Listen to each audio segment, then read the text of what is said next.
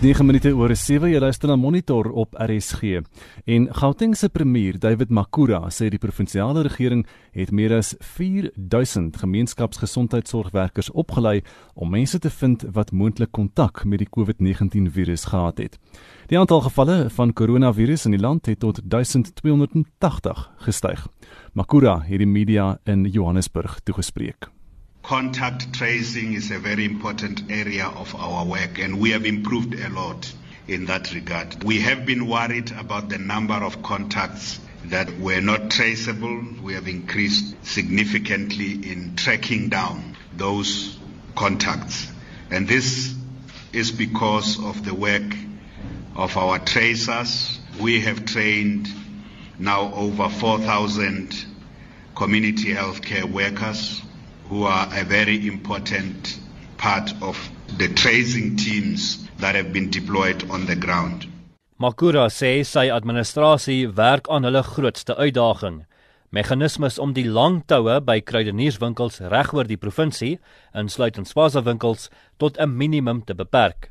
Makura sê dat sosiale distansiering moeilik raak omdat mense toue staan om inkopies te doen nadat hulle betaal is. We started on the first day with some significant difficulties, especially when it comes to the numbers that turned up at shopping centers where people were queuing to buy food.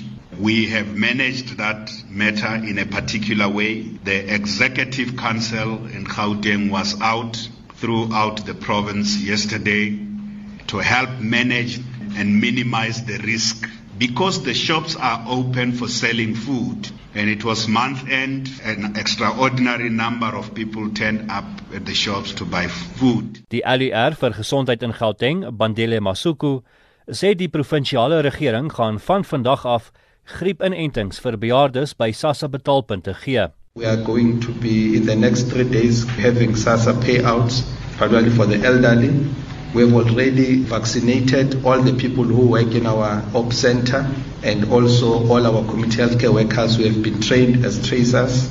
We are going to also roll out vaccination for the elderly for flu, vaccination for flu, because it's important that we vaccinate those who are the most vulnerable in society. Masuku sê die provinsiale regering sal meer toetsfasiliteite in die provinsie aanbring veral in gebiede met 'n hoë bevolkingsdigtheid. We are rolling out testing sites throughout the province which the testing will be done in a focused manner, in a systemic manner and cost effective. The testing sites will be starting them where there's a high density of contacts so that we are able to improve that aspect.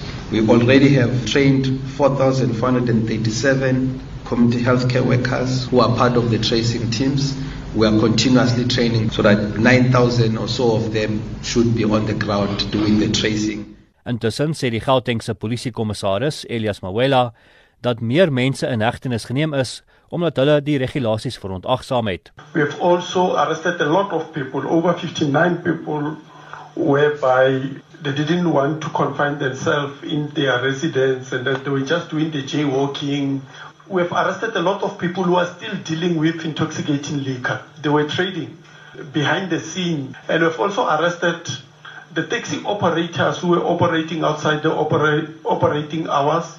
Die Gautengse Departement van Maatskaplike Ontwikkeling sê dat mense vanaf vandag hulle maatskaplike toelaas sal ontvang. Hierdie verslag deur die Taba Tsotsi en ek is Justin Kennerly vir SI Garnis. Alhoewel die wêreld se fokus nou op die koronavirus sterftes is, weet min mense dat lugbesoedeling die gemiddelde aardbewoner se lewensduur verkort met nie minder nie as 3 jaar. 7 miljoen mense sterf jaarliks aan oorsake wat direk toegeskryf kan word aan lugbesoedeling, aldus die Wêreldgesondheidsorganisasie. Ons praat veraloggend hieroor met professor François Engelbrecht van Wits Universiteit se Global Change Institute. Goeiemôre. Goeiemôre Anita. François wêreldleiers het nou eh, die afgelope tyd staatsmanskap getoon deur so vinnig te reageer op die koronakrisis en boonop om saam te werk om COVID-19 te beperk. Dit wys tog dat drastiese ingryping kan plaasvind mits die politieke wil daar is. Maar helaas moet 'n mens sê François, die politieke wil ontbreek om klimaatsverandering op te slaan. Hoekom? Ja, net dat die klimaatkrisis is eintlik ook 'n ongelooflik dringende krisis. Ons het net omtrent 10 jaar oor om die mees gevaarlike effekte van klimaatsverandering te vermy. En om dit reg te kry, moet daar ongelooflike aksies plaasvind reg oor die wêreld die volgende paar jaar. Dit die onmiddellike doelwit is natuurlik om koolstofdioksied emissies met byna 50% vermin te verminder teen die jaar 2030. Dit is nou relatief tot die 2010 vlakke. En natuurlik soos die luisteraars sekerlik almal weet, is daar op die oomblik nog geen teken dat koolstofdioksied emissies aan die afneem is wêreldwyd nie. Dit is natuurlik nou net tot voor die koronaviruskrisis. En ongelukkig was daar sedert sedert die Parys ooreenkoms onderteken is in die jaar 2015 nie die politieke wil waarna ons almal uitgesien het om om koolstofdioksied emissies wêreldwyd te verminder en klimaatsverandering te bekamp nie. En dit het seker baie daarmee te baie daarmee te doen dat klimaatsverandering nog steeds gesien word as 'n meer geleidelik werkende proses en wat eers ons in die meer verre toekoms gaan affekteer wat natuurlik glad nie waar is nie. En ons sien reeds die impakte van klimaatsverandering wêreldwyd. Toenemend gaan klimaatsverandering ons bring tot 'n krisis oomblikke soos wat die koronavirus nou doen. Ek kan maar net verwys na die Australiese brande as een voorbeeld daarvan, 'n ongelooflike wyd verspreide ramp. Uiteindelik etlike miljoene hektare van die Australiese landskap waar die riviere beweeg het. Ehm um, daar duisende mense wat direk geaffekteer is. En ehm um, klimaatsverandering gaan toenemend hierdie tipe bedreigings bring ook na ons eie land ongelukkig in ons eie land kan ons dink aan aan wat 'n geweldige krisis dit sal wees as ons byvoorbeeld 'n dag zero gebeurtenis sien in die Gauteng provinsie. Net soos wat ons byna in die stad Kaapstad by 'n dag zero gebeurtenis uitgekom het. So klimaatsverandering kan ons ook baie direk affekteer, dis ook in ons eie leeftyd. Ek het die gepaardgaande lugbesoedeling soos wat jy nou reeds genoem het veroorsaak elke jaar omtrent 7 miljoen sterftes wêreldwyd. So dit is eintlik baie moeilik om te om te probeer uitredeneer hoekom daar nie meer daadwerklike aksie geneem word teen die impakte van klimaatsverandering. Nou, uh, Frans wat die Glasgow klimaatberaad is geskeduleer vir einde November, uh, waar tydens die Parysberaad van 5 jaar gelede se aanbevelings dan nou in werking gestel moet word. Gaan daardie beraad in Glasgow nog plaasvind? Dis daar van hierdie stadium is dit natuurlik absoluut onseker daar moes al reeds voorbereidende vergaderings plaasgevind het van die Verenigde Nasies lidlande wat deel is van die klimaatsonderhandelinge hierdie ehm um, hierdie Maart en April in Duitsland. En dit is natuurlik nou alles uitgestel en van van dit die seker voort op ehm um, op die een netwerke wêreldwyd. En daardie belangrike interaksie tussen die onderhandelaars om mekaar te vind en te probeer om tegniese vordering te maak met hierdie regstegniese proses van die klimaatonderhandelinge vind in die plaas in Maart en April nie. So dit is alreeds 'n uh, terugslag. Maar natuurlik ons ons gaan net kyk hoe die koronavirus se impakte veral in die noordelike halfrond uitspeel oor die volgende paar maande. En hierdie stadium sit glad nie seker dat die konferensie hoegenaamd gaan plaasvind nie. Hmm. En wat ek miskien kan uitwys in hierdie verband is dat selfs net 'n uitstel van die konferensie is 'n terugslag van die die stryd teen klimaatsverandering het nou so kritiek geword dat elke jaar is belangrik. Elke jaar tel. Elke jaar wat ons nie koolstofdioksied emissies verminder nie, is 'n verdere maak dit vir maak dit vir ons nog meer moeilik. Hmm. om te keer dat hierdie kritieke drempelwaardes in klimaatsverandering bereik word wat die gevaarlike klimaatsverandering wêreldwyd gaan bring. Nog 'n faktor is sekerlik die feit dat die Britte die beraad sal lei as dit nou plaasvind Franswan. Hulle aandag is heeltemal afgetrek deur die implikasies van corona en natuurlik Brexit. Ja, dit is heeltemal korrek. Ehm um, as ons nou terugkyk na die Parys ooreenkoms in 2015, dit is nie verniet dat Frankryk gevra is om daardie baie baie kritieke konferensie die gasheer van te speel. Dis nou terug in 2015 nie. Want Frankryk het natuurlik 'n baie baie sterk diplomatieke korps wat in voorbereiding vir die konferensie wêreldwyd gewerk het en probeer het om die lande van die wêreld ehm um, as as een stem te laat praat uiteindelik en dit het uiteindelik gelei tot die Parys-ooreenkoms. Nou dieselfde is verwag van die Verenigde Koninkryk in 2020. 2020 is 'n kritieke jaar waar die Parys-ooreenkoms geïmplementeer moet word. En al die lande van die wêreld moet in die jaar 2020 opnuut verbintenisse maak. Hooplik baie sterker verbintenisse terug in as in as terug in 2015 in terme van van hoe elke land van nou af koolstofdioksied emissies gaan verminder sodat ons hierdie groot teiken teen 2030 kan bereik.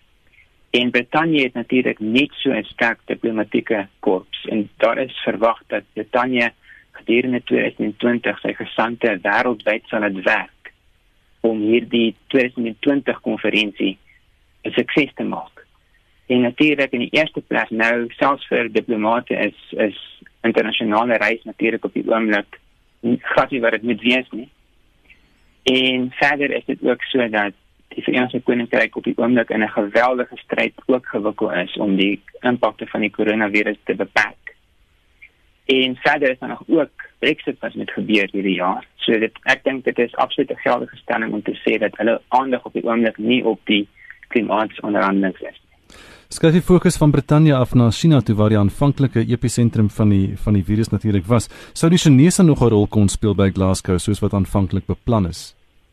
So die sukses van die Glasgow konferensie van die partye ontmoeting en as ware die suksesvolle implementering van die Parys-ooreenkoms self en dit wil sê die stryd teen van die stryd teen klimaatsverandering is absoluut afhanklik van of China 'n daadwerklike rolspeler gaan wees of nie. Vandag alreeds is China verantwoordelik vir min of meer 30% van die wêreld se koolstofdioksied emissies. So dit is 'n dis 'n ontsaglike groot syfer. So mens kan nie klimaatsverandering bekamp as China nie deel is van die ooreenkoms nie. En in 2019 is daar gehoop dat China saam met die Europese Unie die leiding gaan neem by hierdie konferensie. In die Europese Unie het ons reeds 'n sosiale kantelpunt bereik. So die regerings in die Europese Unie en die mense van die Europese Unie het reeds die besluit geneem dat daar daadwerklik ingegryp moet word teen klimaatsverandering en Europa het hom verbind tot hierdie drastiese teikens wat bereik moet word in die jaar 2030 en om die waarheid te sê ook om koolstofdioksied emissies heeltemal te neutraliseer in die jaar 2050. So in hierdie stadium kom die leierskap in in terme van die klimaatonderhandelinge van die Europese Unie af. Maar wat nodig is om uh onomkeerbare momentum te bewerkstellig, dit wat ons benodig. Daarvoor het ons China nodig. Nou, die afgelope paar maande het China natuurlik ook absoluut gefokus om die uitbreek van die COVID-19 siekte in China te beperk en hulle begin 'n suksese behaal maar dit was natuurlik 'n ongelooflike ekonomiese prys. En die gevaar bestaan nou dat China se fokus nou dat dit besig is om die om die uitbraak uiteindelik onder beheer te kry, dat die fokus uitsluitlik gaan wees om die geweldige Chinese ekonomie ekonomie weer aan die hardloop te kry.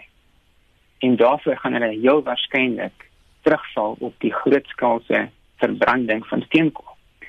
So dit is ook glad nie goeie nuus in aanloop van die in aanloop tot die groot klimaatsonderhandelinge in Desember. Fransjo, maar daar is daar meer en daar positiewe nuus in terme van corona soos die 35% afname in koolstofdioksied uitlatings in China. Ek verstaan jy het darem satelliet data bewyse daarvan. As ons kyk na die satelliet waarnemings van NASA en ook van die Europese Ruimteagentskap, dan sien ons in die eerste plek in China maar eintlik nou reg oor die wêreld geweldige afnames en 'n groot aantal besoedelingselemente reg oor die wêreld. En dit begin natuurlik met hierdie afnames in koolstofdioksied self, die die gas wat die proses van globale verwarming veroorsaak. So net in China alleen in Februarie en Maart is die afname in die vrystelling van koolstofdioksied omtrent 25%. En heel wat van die Chinese stede het baie meer goeie lugkwaliteitsdae soos ons dit noem beleef in Februarie as ooit in die afgelope 10 jaar.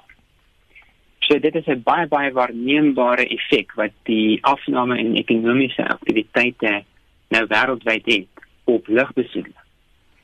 Ons sien ook in al die groot stede van die wêreld min of meer 'n afname van 50% in die koolstofmonoksied, hierdie baie gevaarlike gas wat vrygestel word deur motoruitlaatgasse onder andere. So natuurlik moet ek ook daar dadelik uitwys dat omgewingswetenskaplikes en klimaatwetenskaplikes het natuurlik nooit probeer aanvoer dat ons die stryd van klimaatsverandering op hierdie manier moet voer. So dis ons moet onthou dat hierdie afnames in lugbesoedeling kom met 'n ongelooflike koste. So ons almal nou weet in die eerste eerste plek in terme van lewensverlies, maar ook in terme van kostes tot die aan die ekonomie wat ons almal ook hier in Suid-Afrika uiteindelik baie nadelig gaan raak. Maar op die kort termyn is dit natuurlik 'n voordeel vir die omgewing. En meer belangrik, wys dit vir ons wat kan gebeur as regerings besluit hulle gaan die lewens van hulle burgers in hulle lande eerste stel en ekonomiese oorwegings tweede stel. Nou dit is ook wat nodig is as dit kom teen die stryd van klimaatsverandering. Ons moet geleidelik ons ekonomie verander en wegbeweeg van ons afhanklikheid van steenkool en olie. En so min as meer in die jaar 2050 moet ons 'n sogenaamde koolstofneutrale wêreld bereik. En op die kort termyn vereis dit geensins van ons 'n wêreld waar ekonomiese ineenstorting nie, maar dit vereis van ons ekonomiese opofferings op die kort termyn. Nie naasien by so drasties as, as wat ons nou sien deur die impak van die koronavirus nie, maar ons moet nog steeds bereid wees om op die kort termyn sekere opofferings te maak sodat ons die wêreldekonomie heeltemal verander, ons energieafhanklikheid verskuif na die hernubare forme van energie en uiteindelik ongelooflike groot omgewingsvoordele behaal en ook voordele vir ons eie gesondheid behaal in terme van die verbetering van lugkwaliteit wêreldwyd. So die een ander groot positiewe aspek wat ons dalk uit die koronaviruskrisis kan neem op pad na die klimaatsonderhandelinge in Desember wat wat hooplik nog sal plaasvind is dat die regerings van die wêreld is wel in staat om baie daadwerklik op te tree. Hulle bewys nou aan ons dat hulle eerstens tot die voordeel van ons, die burgers kan optree en hulle kan ook gekoördineerd optree wêreldwyd. En moontlik sal iets van hierdie gees van samewerking en van menswees sterk voortleef in die tyd van die belangrike klimaatskonferensie in Desember. Jy praat net so van hierdie lugbesoedeling um, wat verminder omdat mense nie meer vlieg nie, die vliegtye vlieg nie, die karre ry nie meer nie. En ons sien op sosiale media oral um beelde van die water wat weer skoon raak in Venesië, daai ding die diere en die swane en die diere lewe wat terugkom.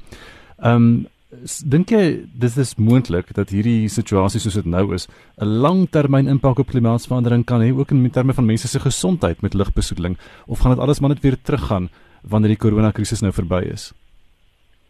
Dit is ongelukkig gaan die verminderings wat ons nou sien in besoedeling wêreldwyd en dan spesifiek ook die vrystelling van koolstofdioksied wat aansienlik verminder het wêreldwyd ongelukkig kan ons nie dink dat dit alleen vir ons 'n langtermyn voordeel gaan bewerkstellig nie. Uh nie as ons kyk na die verminderings in die besoedelings alleenlik nie. Want in China verwag ons nou as 'n ekonomiese kortliks dat hulle natuurlik absoluut nou gaan fokus om hulle ekonomie weer in volle op koers te kry. President Trump het nou ons alreeds um, 'n min of meer 'n week of wat gelede gedreig dat Amerika teen Paasnaweek weer aan die werk moet wees het dit nou wel gister verander na 30 April. So ek dink hy besef ook toenemend hoe ongelooflik groot die impak van die van die virus kan wees in terme van lewensverlies. Maar ons kan verwag dat soos wat hierdie krisis onder beheer kom oor die volgende klomp maande, gaan lande waarskynlik maar net weer terugval op hulle vorige ekonomie ekonomiese weë tot en nagvolg tot tot tot so 'n mate dat dit moontlik gaan wees om dit te doen. Die meer blywende uitkomste wat ons dalk kan kry um, om nou 'n meer positiewe antwoord op jou vraag te probeer gee. Is dat lande het nou bewys hoe dat hoe dat werklik uh, kan optree. En moontlik sal iets van hierdie gekoördineerde poging oorbly ook in terme van die stryd teen klimaatsverandering en hopelik sien ons groter samewerking tussen lande en 'n en 'n groter gees van samewerking as dit as ons as die wêreldlande ontmoet in November in in Glasgow. Fransjo, dis nou die owerhede waarvan jy praat, maar wat van gewone burgers? Byvoorbeeld, baie Chinese sien nou vir die eerste keer in 'n baie lang tyd skoon lig en daar is van jou kollegas wat bespiegel dat die gewone man en vrou op straat praat nou van in China druk gaan plaas op hulle regering om daardie lig relatief skoon te hou. Wat dink jy? Dit is 'n baie interessante punt. Dit is 'n baie belangrike punt. Wel, wat ek wel kan noem is dat min of meer in die jaar 2017 Tweede president Jinping aangekondig dat China van nou af in 'n groot mate gaan fokus om drie groot gevegte soos hy dit gestel het te te voer. En dit is natuurlik die stryd teen klimaatkrisis en die stryd teen armoede en die derde krisis wat hy genoem het is die stryd teen lugbesoedeling.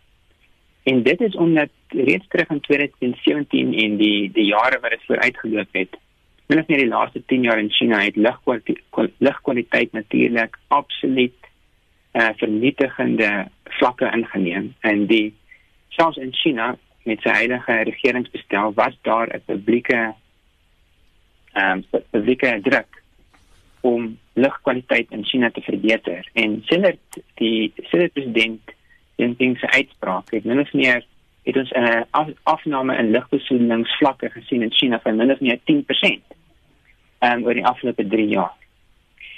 En wat nou gebeur as gevolg van die die feit dat soveel koolstof uh, soveel koolstofsentrales in China nie ten volle funksioneer nie en soveel fabrieke funksioneer glad nie, hierdie lugkwaliteit hierdie lugkwaliteit in vele stede in China so aansienlik verbeter dat mense nou miskien vir die eerste keer in die laaste twee dekades sien hoe die omgewing werklik kan lyk sonder hierdie digte massa van lugbesoedeling wat voortdurend oor baie van die Chinese stede haal. En daar is alreeds tekens van openbare verset ehm um, dat hierdie stede nou weer sal terugkeer na hierdie voortdurende situasie van besoedeling wat wat byna altyd heers in China. So miskien sal daar ook groter druk wees vanaf die Chinese publiek. Ehm um, tot 'n hoë mate dit die Chinese regeringsbestel kan verander net as iets vir maar vir die politieke kommentators aan dit vra. Frans, wat vinnig so laaste vraag, daar is toenemend bewyse dat die koronavirus 'n seisonale siklus dan kan hê wat beteken dit kan jaarliks terugkom soos wat griep maak. En ons hier in die suidelike halfrond gaan nou ons winter binne waar die koue dalk 'n ideale teelaarde vir die virus kan wees. Uh, en ons hoor hy hou nie van die van die warm temperature nie wat dalk die arm tropiese lande kan beskerm. Is dit bewys is kan kan 'n mens daai afleiding maak? Wêreldwyd word op die oomblik natuurlik ongelooflik baie gefokusde navorsing te doen uh, gedoen om meer te leer van die koronavirus. En een aspek wat ondersoek word is hoe dit afhanklik is van klimaat. Nou ons weet dat baie verwante virusse, die tipiese verkoue virusse, die die griepvirus, is beslis seisoonaal en hulle voorkoms reg oor die wêreld. En in 'n mate kan dit waarskynlik toegeskryf word aan die gedrag van mense. So wanneer dit koud is, is daar baie meer is mense natuurlik geneig om hulle self te bevind ehm um, nader aan mekaar en dit is in geboue wat nie goed geventileer het geventileer is nie. En die somer is ons meer gereeld buite, daar's daar's meer gereeld ventilasie en mense is in die gemiddeld verder van mekaar af. Dit is waarskynlik een faktor. Maar as ook bewyse dat hierdie tipe virusse ook direk geaffekteer uh, word in terme van hulle oordraagbaarheid en in terme van hulle eie lewensduur as dit kom by die faktore van temperatuur en vog. Nou ek moet sê dat al die navorsing wat op die oomblik gepubliseer word is nog nie deur die proses van wat ons noem ewe knie ehm um, nasiening nie. So al hierdie al hierdie resultate is in hierdie stadium in 'n groot mate nog spekulasie. Maar die voorlopige aanduidings is dat die koronavirus ook hierdie temperatuur en vog afhanklikheid het. So die voorlopige aanduidings is dat dit ook makliker versprei in koue klimate en minder maklik in baie warm en vogtige klimate. Nou ons gaan natuurlik hierdie teorie, hierdie teorie sal getoets word en oor die volgende paar maande in die eerste plek in die noordelike halfrond. Soos vir die noordelike halfrond nou in 'n somer in beweeg, is daar baie baie wyd verspreide hoop dat die hoër temperature gaan help om die virus se oordraagbaarheid te verminder. En let nou op dat die die die navorsing sê ook vir ons dat die virus bly oordraagbaar by enige temperatuur en klimaat. So dis nie dat die virus kan uitwis nie. Maar dit kan die oordraagbaarheid verminder. Dit is die die groot hoop wat nou bestaan in die noordelike in die noordelike halfrond. En vir Suid-Afrika spekuleer ons ook in hierdie stadium net daar so daar's 'n groot groep klimaat uh, en omgewingswetenskaplikes en epidemioloë in Suid-Afrika wat tans saamwerk om hierdie vraagstuk te te bestudeer en probeer probeer om vinnig antwoorde te kry Maar in hierdie stadium moet ons in Suid-Afrika baie verantwoordelik wees en ons moet die aanname maak dat soos wat ons in ons wintertyd inbeweeg, die virus inderwaarheid bevoordeel gaan word deur die lae temperature. Net in die sin dat dit waarskynlik meer oordraagbaar gaan word soos wat ons dieper in die winter inbeweeg. En daarom is dit nog en daarom is dit nog meer belangrik dat ons op die oomblik alle maatreëls instel wat ons kan om verspreiding van die virus te bekamp insluitend die sosiale afstandmaatreëls wat tans in Suid-Afrika heers. François baie dankie professor François Engelbrecht van Wits Universiteit se Global Change Institute. Dis 24 minute voor 8 jy luister na Monitor op RSG en is tyd vir wêreldnuus. Justin Kennerly is hier en die Amerikaanse president Donald Trump verleng die land se riglyne oor die koronavirus tot na Paasfees. Ja, die federale riglyne sluit maatreëls in soos sosiale sosiale distansering en sal tot minstens 30 April in die FSA verleng word. Nou Trump het voorheen voorgestel dat hulle so vroeg as Paasfees, wat in die middel van April val, die riglyne kan verslap. Hy sê nou die hoogste piek in die sterftesyfer gaan waarskynlik oor 2 weke gesien word, maar dit blyk dat hy eerder verwys het na die infeksiesyfer wat hospitale kan oorweldig. Nothing would be worse than declaring victory before the victory is won. That would be the greatest loss of all. Therefore, the next two weeks and during this period, it's very important that everyone strongly follow the guidelines, have to follow the guidelines that our great vice president holds up a lot. He's holding that up a lot. He believes in it so strongly. The better you do, the faster this whole nightmare will end. Therefore, we will be extending our guidelines to April 30th to slow the spread. Dr Anthony Fauci, die Withuis se mediese adviseur, het vroeër gewaarsku dat die virus tot 200 000 Amerikaners se lewens kan eis. Dr Fauci sê dit is nie onmoontlik dat miljoene Amerikaners uiteindelik besmet sal wees nie. Die FSA het nou meer as 140 000 bevestigde gevalle met byna 2.500 sterftes wat reeds aangeteken is. En dan oor na Spanje, hulle gaan nou foutiewe koronatoetse vervang wat in China gekoop is. Ja, ongeveer 659 000 blitstoetse wat in China gekoop is, is foutief, sê die minister van gesondheid, Salvador Illa. Hy sê egter dit sal nie 'n invloed hê op die stryd teen die koronavirus in Spanje nie.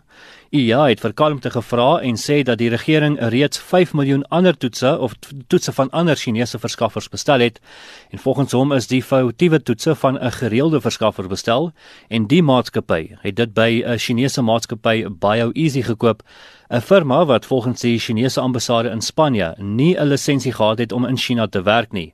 Dit was ook nie op die lys van aanbevole verskaffers wat deur die Chinese regering saamgestel is nie. En dan die Britse regering wil die verspreiding van uh, vals nuus oor die koronavirus stakel. Ja, die regering is besig om die verspreiding van vals inligting uh, te probeer keer. 'n Vinnige reaksie-eenheid binne die kabinetskantoor werk saam met sosiale media maatskappye om vals nuus en skadelike inhoud te verwyder. Die kultuursekretaris Oliver Dowden sê dat optrede nodig is om die verspreiding van onwaarhede en gerugte te stuit wat lewens kan kos. Die spesialiseenheid ondersoek daagliks tot soveel as 10 voorvalle van beweerde kundiges wat valse mediese inligting uitreik en misdadigers wat aanlyn slenters bedryf. Dowden sê mense moet slegs mediese raad van erkende bronne volg en tuis bly om die land se mediese dienste te beskerm en lewens te red. En die regering begin ook weer met 'n veldtog genaamd Don't Feed the Beast waarin die publiek versoek word om mooi na te dink oor wat hulle aanlyn deel. En dis nogal erge Duitse politikus neem sy eie lewe oor die koronavirus. Ja, die minister van finansies in Duitsland se deelstaat Hesse, Thomas Schäfer, was glo diep bekommerd oor die ekonomiese impak van die koronavirus en hoe hulle dit sou bestuur. Nou ESE, OESE is die tuiste van Duitsland se finansiële hoofstad Frankfurt waar hoofleners soos Deutsche Bank en Commerzbank hul hoofkwartiere het en die Europese sentrale bank is ook in Frankfurt geleë.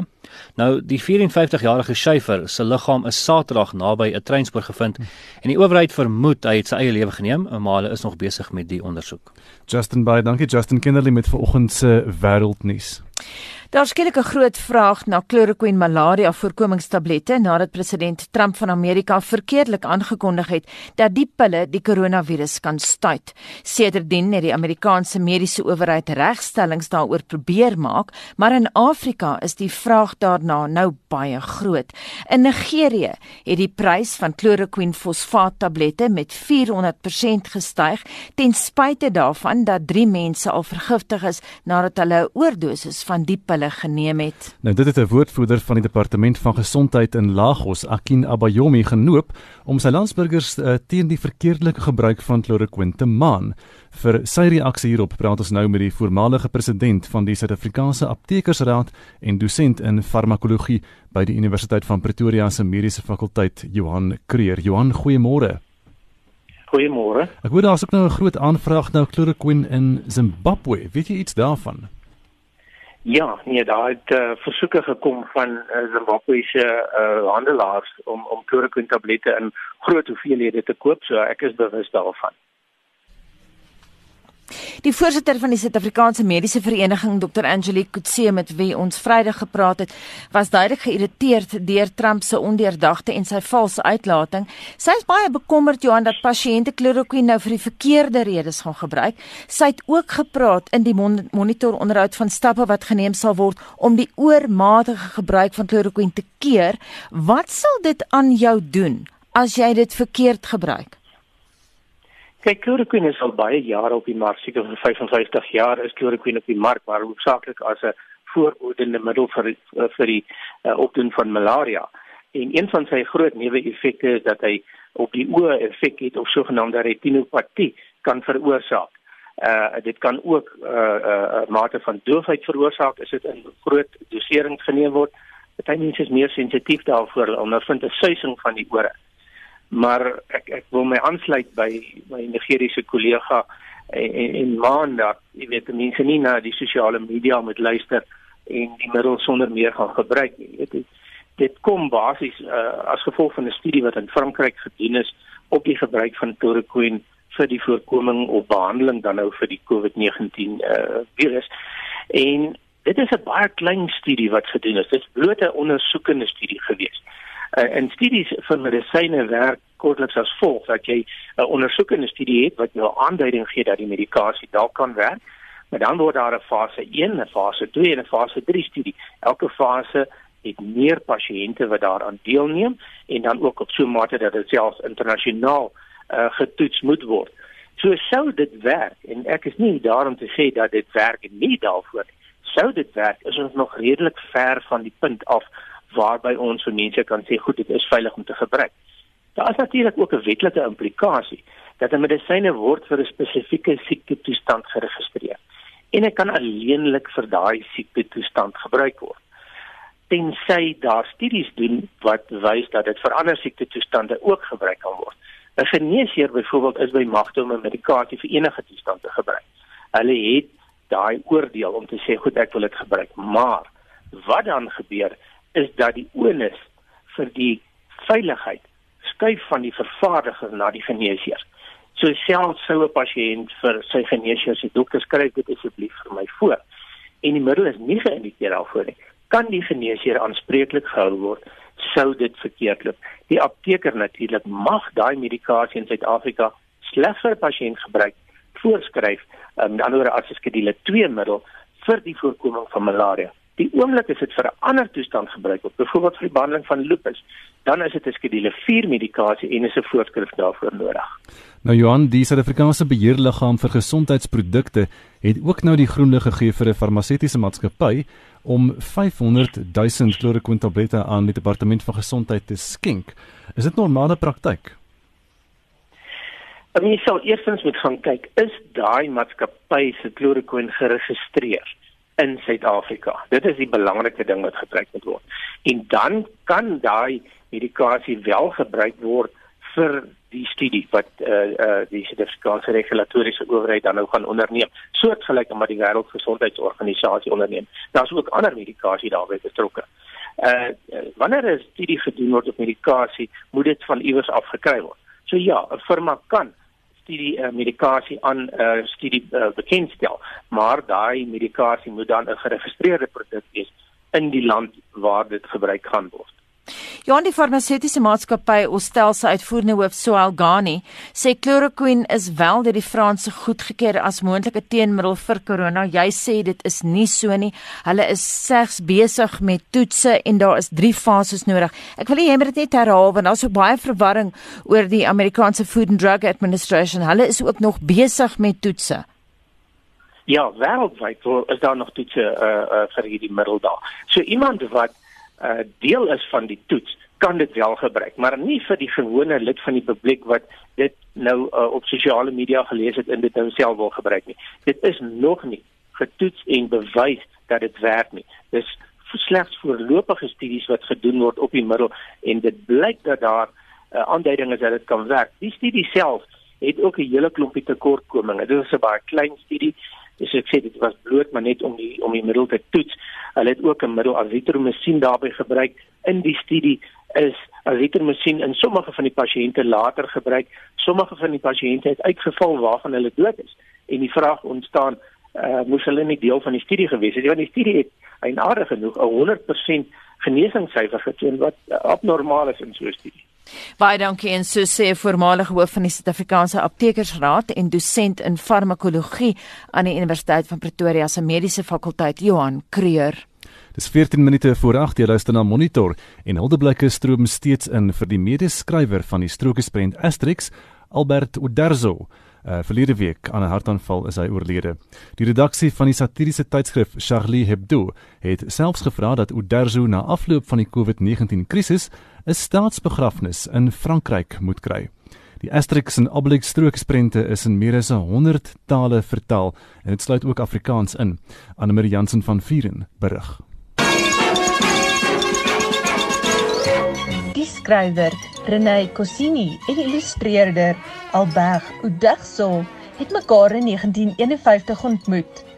In 1959 is hulle gevra om 'n strokiesprent te skep vir die Franse-Belgiese tydskrif Pilot. Die strokiesprent moes 'n tipiese Franse held uitbeeld. So is Asterix gebore, 'n krygsman uit antieke Gallië. It isn't that I don't think that dog's very intelligent, but I do sometimes wonder if he isn't rather small to carry many years. The voice of reason you have just heard belongs to the renowned Asterix, whose adventures, on sale in all the best bookshops, have been translated into every language. Salute! Guten Tag! Hello! Konnichiwa! Rockadoodle-doo! Skerp humor, woordspeling en koddige karakters is deel van die Asterix reeks se charme. So sê Sonja van Skalkwyk Bagwa wat die boeke in Afrikaans vertaal het. As ek in 'n neutedop moet opsom wat vir Asterix en Obelix so gewild maak, dan sal ek by die neus begin. Want dis glo wat Odertse ook gedoen het. Hy het altyd eers die neus geteken en dat hy gesê dit het vir hom die proporsies gegee om die res van die karakter te doen. So as ons kyk na daai groot tipiese Galliese neuse, dan sê dit vir ons hier het jy jou tipiese alledaagse plat op die aarde Fransman, lief vir eet, drink, partytjie, bietjie skoorsoekerig, hou daarvan om bietjie te sukkel met mekaar, maar wat soos een man saam staan teen Julius Caesar Caesar en Rome met sy lawwe legioensoldate. Asterix se boesemvriend Obelix is menigte aanhanger se gunsteling karakter. This is the place. There are plenty of Romans here. Don't hit him, Obelix. For now, they're our friends. The Romans are our friends? Thank you. You see, Obelix, it pays to be polite now and again. Obelix het bo menslike krag, want hy het in die druïde Getafix, oftewel Castor Olix in Afrikaans, se pot towerdoepa geval toe hy 'n baba was. Oh no, Obelix. No. The potion has had a permanent effect on you. Fell into the cauldron when you were a baby. Dit is ook hierdie einste towerdoepa wat die dorpie galeers in staat stel om nie deur die Romeinse leer beset te word nie. In the year 50 BC, all Gaul, now known as France, was covered with impenetrable forests. Julius Caesar had at last succeeded in conquering Gaul, intending to set the seal of Roman civilization on this his latest, greatest conquest. Aangesien Julius Caesar in die tyd keiser was, maak hy 'n gereelde buiging in die meeste van die Asterix stories.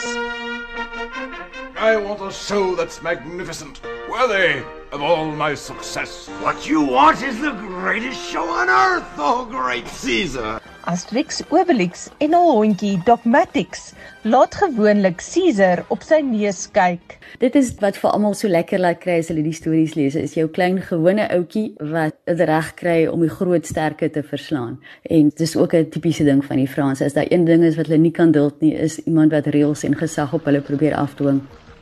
Asterix en Obelix se avonture behels ook dikwels dat hulle vriende uit ander lande gaan help om Romeinse besetting teen te staan, soos hier in Asterix in Britain, waar die Britte se tradisionele maniere self vir Caesar grys hare gee.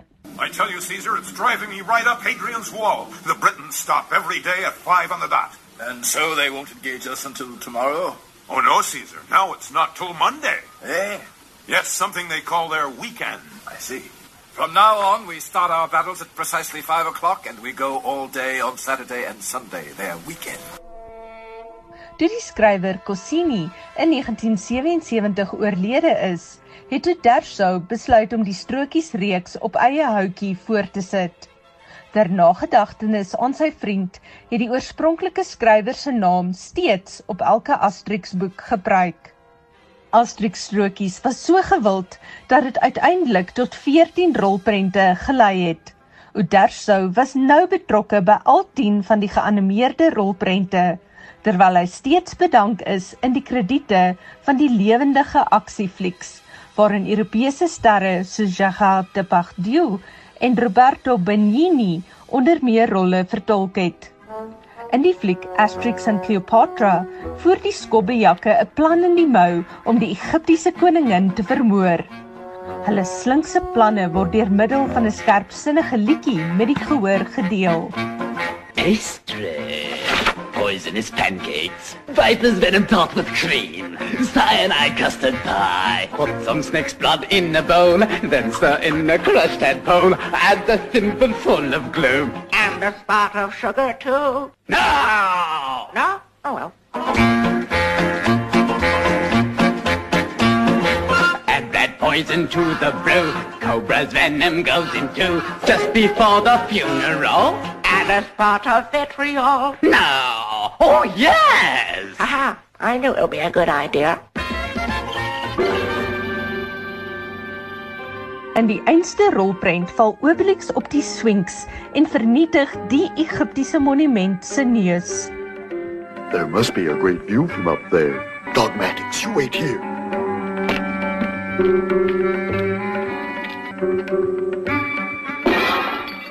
Obelix! Oh dear, oh dear, oh dear. In 'n soortgelyke insident is Obelix ook die rede waarom 'n groot deel van die Colosseum in mekaar val in die rolprent Asterix vs Caesar. Volgens van Skalkwyk Bagua is dit alles voorbeelde van Cossini en Uderzo se sogenaamde slimgatheid. Dit is wat maak dat klein en groot dit so lekker kan laat lees. Kinders natuurlik hou al klaar van die kleurvolle prentjies, die aksie, maar daar's bedrieglike eenvoud daarin want beide Goscinny en Uderzo was groot kunstenaars gewees en hoe ouer jy raak, hoe meer sien jy daai subtiele woordspelings daarin raak en dieselfde met die prentjies. Daar's ongelooflike detail daarin met satire en fyn spot, maar dit bly altyd goedig. Hulle spot met almal, maar dis nooit naar of gemeen nie. Dit bly net gemoedelik en lekker vir almal om te lees. In 2009 het Uderzo afgetree en 4 jaar later het 'n nuwe span skrywers die leiersels oorgeneem. 'n Verskeidenheid boeke het uit hul pen verskyn, onder meer Asterix en die Papyrusrol wat die draak steek met Julian Assange en die WikiLeaks fenomeen, sowel as Asterix and the Chariot Race wat nog nie in Afrikaans vertaal is nie. In die 2017 boek is die kampioenstrydwa-drywer Coronavirus gedoop. Dit was 'n subtiele verwysing na die SARS-virus van 2003. Ek is Anne Marie Jansen van Vuren vir SAK nuus.